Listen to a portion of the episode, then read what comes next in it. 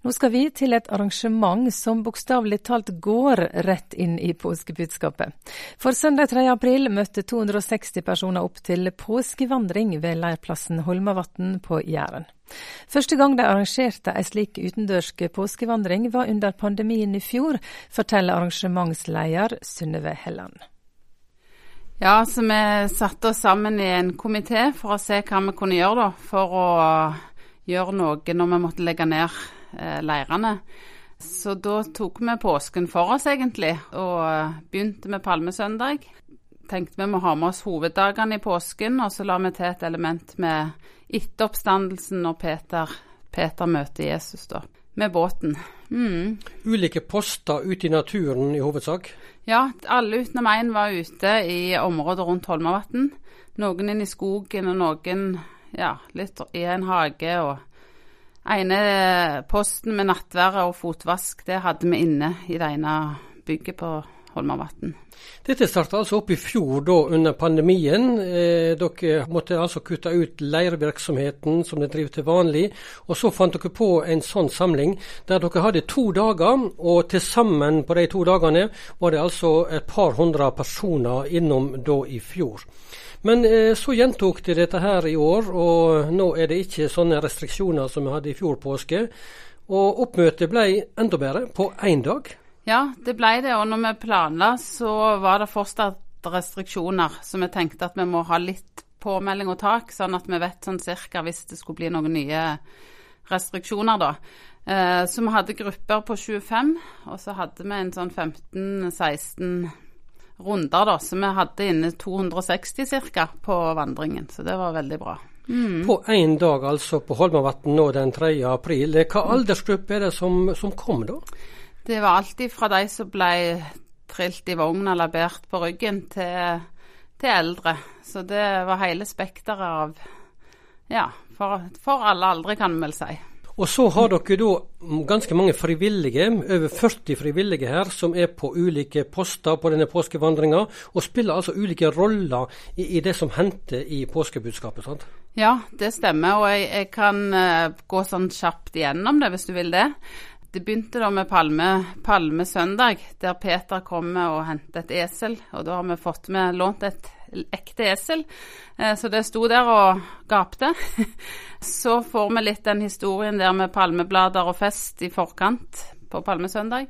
Så går han videre da til nattvær og fotvask, der vi får innblikk i Peter og Judas, da spesielt på den posten.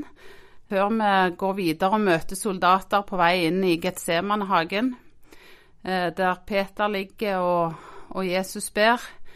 Og vi ser at soldatene kommer sammen med Judas, og Judas gjør det han skulle gjøre, eh, og får en seanse rundt det.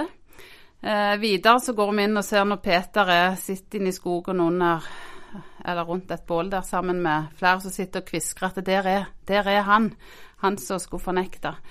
Eh, og han spiller veldig levende, og en får nesten en følelse av å, være til stede når det skjedde. Når vi er ferdig på den posten, så går vi til Golgata, der det står en soldat igjen. Litt sånn angrer litt og lurer litt på hva er det nå jeg har gjort. Hva er det vi har gjort? Hvem var egentlig han her? Var han kanskje noe annet enn det vi trodde? Han som var korsfesta.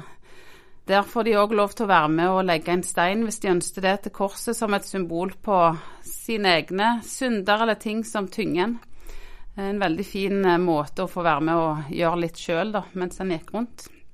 Når vi forlater denne posten, så hører vi, hører vi damer som griner, og kommer til neste post der det står gråtekoner som er så lei seg for at de er jo vennene til Jesus, og de får ikke engang komme bort til grava. Og tar oss med da videre gråtende bort til grava, der vi møter Peter, Peter og Johannes igjen. Og vi får se at de går inn i grava og kommer ut med linkledene da, til Jesus, og vi skjønner at uh, han har stått opp. Denne visualiseringa av påskebudskapet ute i naturen med en sånn påskevandring, hva tilbakemelding har dere fått på dette her nå eh, etter to år? Jo, vi har fått veldig mye positiv tilbakemelding. Den der at folk føler at de kanskje er med og får se eh, det som skjedde, på en litt mer levende måte da, enn eh, bare å lese. Og noen eh, har jo hørt dette budskapet mange ganger. Vi vet jo ikke alle som var der, så jeg vet ikke hva de har av kunnskap fra før og ikke. Men, men vi la jo til en post òg i år, det her med at Jesus har stått opp. Og så kommer vi ned til, til båten der Peter og Johannes sitter fisker, og de blir møtt av Jesus som da kom igjen, har kommet igjen. Så avsluttes det der med at vi synger 'Deg være ære'. Så en utrolig sånn fin, fin avslutning på dagen der, da. Har dere så positive erfaringer at dette blir òg neste år og flere år?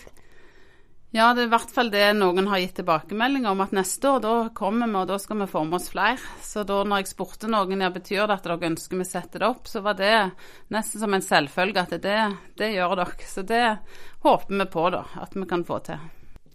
Det sa Synnøve Helland, som er arrangementsleder i Misjonssambandet region Sør-Vest. Intervjuer her var Inge Kallestad.